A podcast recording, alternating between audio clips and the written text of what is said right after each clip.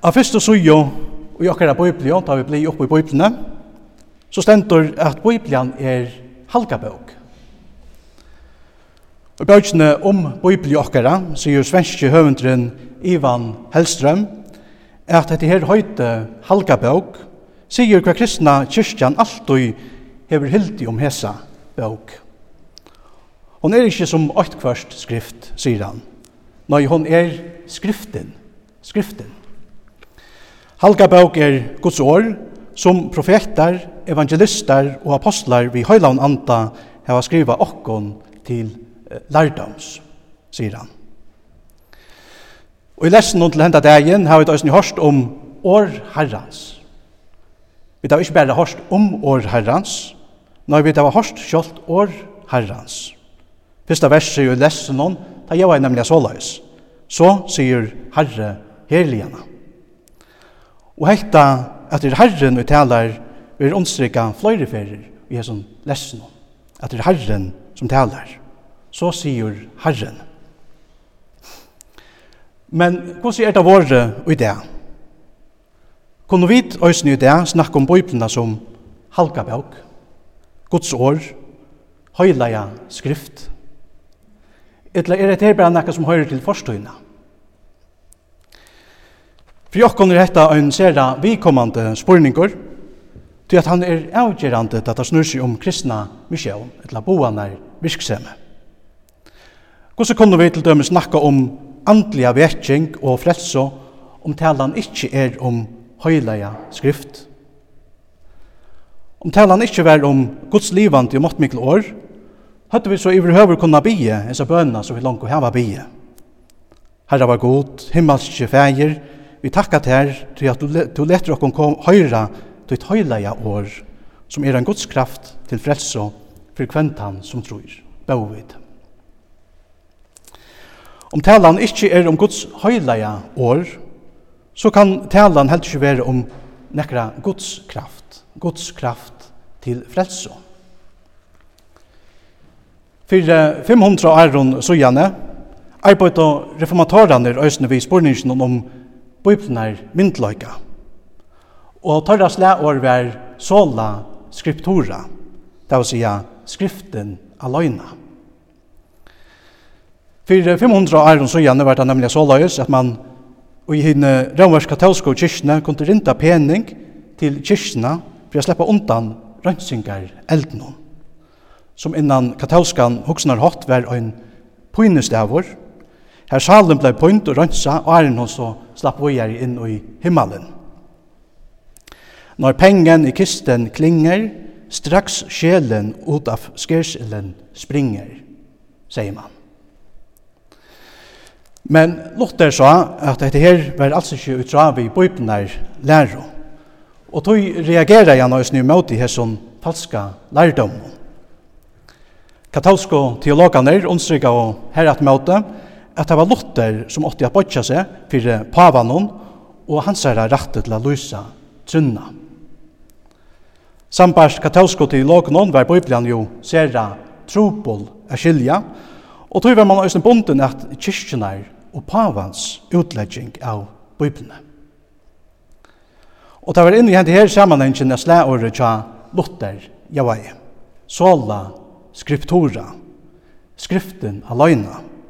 Ikke skriften, paven og kyrkjan, men skriften alene. Fyrir reformatorene var den avgjørende myndløgjen, vi vujande trygg og lærer, altså hentan bøgjen her, Bibelen, skriften alene. Og jeg er noen kjenton jottana rite sier der mitt landa såløyes. Vi tryggva, læra og jotta at hinn øynast av reglan og rattesnøren som öll læra og allir lærarar skulle røynast og dømast etter, er og hinnar profetiske og apostolske skriftnar i Gamla testamentet og Nudja testamentet. Og Luther, han sier Østen Sjálvor, med skriftene som dømara skulle allir andar røynast og kyrknar og asjå. Mittlen kristen er det nemlig hekta, som tørvor er av fram om alt anna.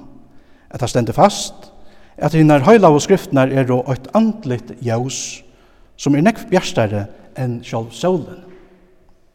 Solen hon skine nekv nu tar senaste degene, men Luther han understryker at, at skriften er bjerstare enn sjálf solen. Eit jaus. Bibelen hever altså den endalige myndløykan i kristne kyrkene, sambars Luther. Vi skriftene som myndleika skulle atler andar røynast. Men hvordan er det så i det? Er Bibelen den endelige, endelige for jokken i det? Finns nekkar endelige myndleikje? Og hvert er myndleikje i grunnene? Sambars einar leksikon ver orðið myndleikje lust som førleikjen og ratteren til å kunne avgjøre hvordan tankene og ætborren til øren øyer at vera. Og etter høysen er en gav løsning av plassene som Bibelen hever og jokkere løyve. Sambars okkara kristne og trygg er det nemlig Bibelen, halgabøk, Guds år, som hever førelagan til at avgjøre hvordan tankene og ætborren til kyrkjene og hinnom øynstaka kristna øyer at vera. Og alt det som strøyer møte i hans lærer, det kommer inn under det som vi øyne har hørt om i det, falskan lærdom. Hette er just det som Jesus avværer okkon i møte og i praktikoteksten som vi tar hørt om. Være tikkum for det svika profeton, og koma til tikkara og seia klævon, men er og over ulvar innan. Og at her avværingen er lykka nekvikaldande i det, som hon øyne vær og Jesu egnu samtøy og under reformasjonene. Være tikkun fyrir det svika profeton, sier Jesus òsne vi til og med i det. Luther hei sukt at drejas vi fyrir 500 åren sujane, men vi må ikkje gleyma at òsne vi er og i vanta fyrir falskon lærdomme.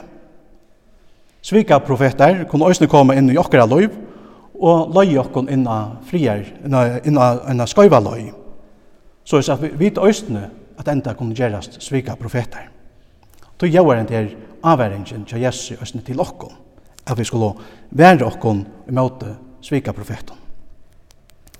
Og tog jeg alltid øyne at det er godt til okkon å lære okkon å bia og anhaltande om etter her. Til dømme som uh, vi lesa, eller, ja, vi lesa til Salmaskalt noen, her David bier, kanna meg god og kjenn mitt hjärsta, rannsaka meg og kjenn min hoksan, vit om jeg gengje at lertnar vei og løy meg en avja vegin. At vi alla døgna er og sjálf rannsakande, og leta god rannsaka okko. Svika profetane sier ganske lukka som vi tar lyse tja Jeremia. Vi tar i havna år i herran, sier tar, tikkun skal alt viknast vel. Og er et her ikke òsni i tråd vi rakje og i det. Her fløyre og fløyre menneskje sier god og hans her år bostur ur løvnum og kanskje sette ja, akkurat annet i hans sted.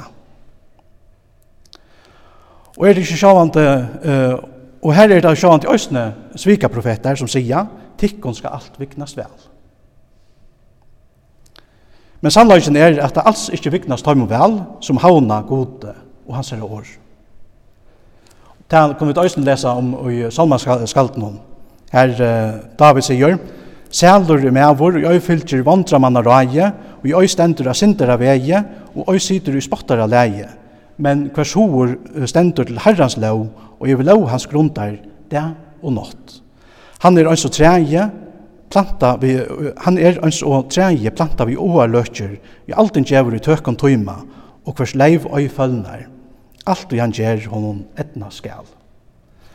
Og så kommer uh, ta motsatta. Ikkje gong så løys vant om honom, men ans og båstar er og i fyker fyrir vinte. Tøy skal og godleiser øy standast i dømnon, og sindarir øy i rattvisera lije. Ty herren kjenner ved tøyra tøyra rattviso, og vevor tøyra godleis og ber av løy, understrykker David. Så vi er og sel, ta vi halt okkom til god og hansara år.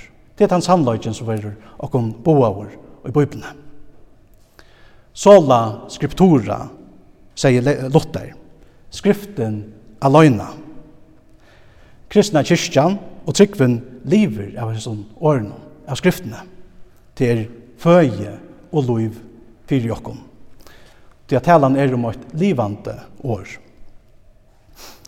Men sjalt om Bibelen sier at talan er om høyleier skrifter, og sjalt om Luther råpar etter slæåret, sola skriptura, skriften aløyna, så er det korsene nekv menneskje i det, som halda at Bibelen bare er ein gommel, utdatera bøk, som ikkje hever så øyla gavan og stauran tøytning for jokkom i det, og som altså ikkje er høyla. Hvordan kunne vi så prekva for slike menneskjon at Bibelen er halga bøk, at hon er høyla skrift? Kanskje hese myndløgjen ikkje nekka så vidt fyrst og fremst sjálfu skulle prekva. Det kan skriften sjálf syrja fire. Vi vet ikke antihesen sier en kjentur praktikumauer som heter Charles Hatton Spurgeon. Det er nøytest ikke å verja øyna leivo om hon verir alåpen. Det øynasta som du skal gjøre er at åpna postre og leta hana komme ut. Og så er det øyne vi utgjente halgebøk. Vi skulle åpna postre og lett henne komme ut. Boa gleiboskapen. Det må være det første. Vi døy er gjerra lukka som Jesaja profeter sier, Gakk her nian hakstafjall til som best Sion gleibo. Råpa og kraft til gleibåare Jerusalems. Råpa ekkalesur, sier vi judaborger, sui god tikkara. Vi stafesta bøypnar myndløyka og sannløyka vi at høyra året at utleggja det og at boa Guds år. Vi har pojka til samme som skriften og sine pojkar av. Da vi sier, «Sui god tikkara». «Sui god tikkara». Bibelen er, Bibelen er myndløyke er altså først og fremst nekka som skal boast. Bibelen sier okkur nøysene sjálf hva hun er. Talan er om høyleia og god innblåsta skrift, som Paulus nøysene sier det. Men anlite av bøypna som Guds år botnar og sørste enda oi om vi er kristen eller ikkje. Om vi har høyleian anda eller ikkje. så sier Bibelen at ønsken kan komme til trygg av seg sjálfum. Det er altså ønsken av okkon som brottliga ser, at Bibelen er Guds år, om ikkje høyleian anda først og fremst samfører okkon om just det. Og reformatorene tar løtt øyne at det samme, nemlig at ønsken menneska kan komme til trygg og bøtja seg fyrir bøyplene, åttan til som tar kalla av testimonium spiritus sancti internum, det vil sija heila i andans innara vittnesbord. Det at vi virkjenner at talan er om høyleia og god innblåsta skrift, kommer altså som en fylgje av høyleia andans gjerninga. Paulus legger oss nedent at det samme at han sier, Men ein naturlig menneske tekur ikkje, ikkje vi tog som høyre Guds anda til, til at det er henne dorskapur, og hon er ikkje før fyrir at kjenna det, av tog at det har vært dømt av andlian hatt, understryker Paulus. Tja Paulus leser vi at talan er om høyleier skrifter, som er og innblåster av sjolvun gode. Og omsettingen av oss nere årenon eh, til pneustos, som er blivet til god innblasen i okra føresko biblio, kan òsne omsettas vi åren om god anda, god anda. Og et her pekar av opprunan tja skriftene. Hon er gynnsin ut fra Guds munne. Hon er god anda. Det er sånn at god sjálfur som er opprunan til dette året. Skriftene. Bibelen gjør oss en sjálf, vittnesbor, at hon er Guds år. Hvordan ofta leser vi ikke at det stendur År herrans kom til min, så gjevande». Etla så vidt òsne av hørst ut det, så sier Herren. Så sier Herre herligene. Og vi leser òsne ut av Ezekiel ble kattla over til profet, at god sier, men du skal tala år mine til tørra.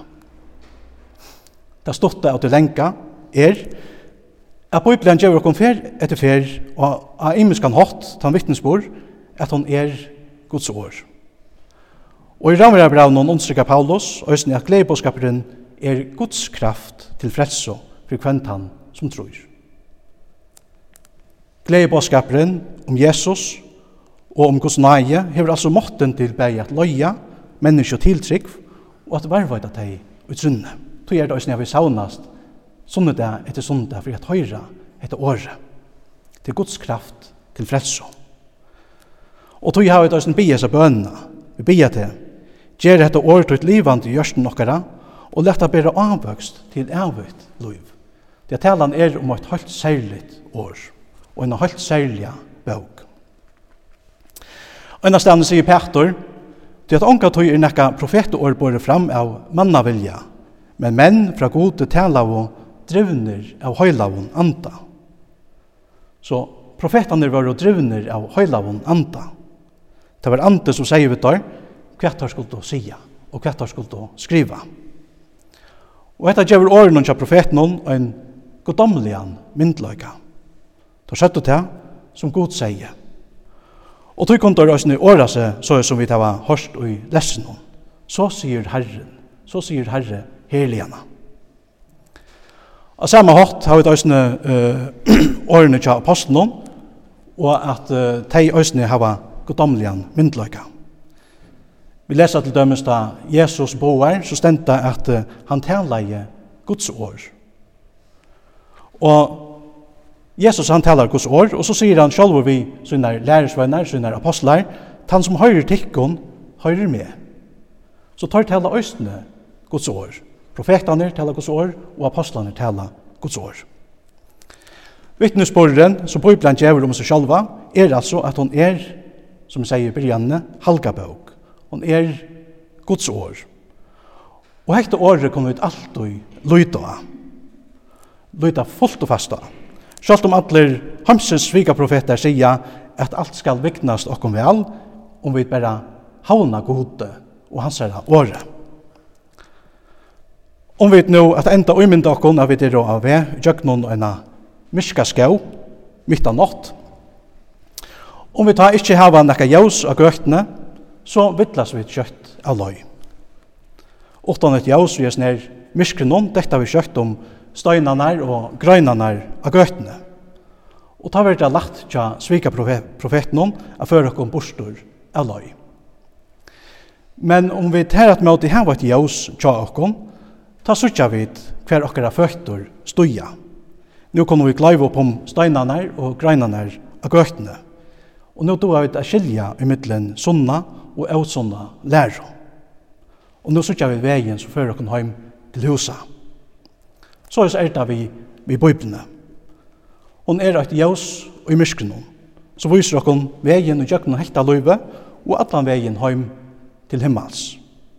Det er god han er jo en frelsande god.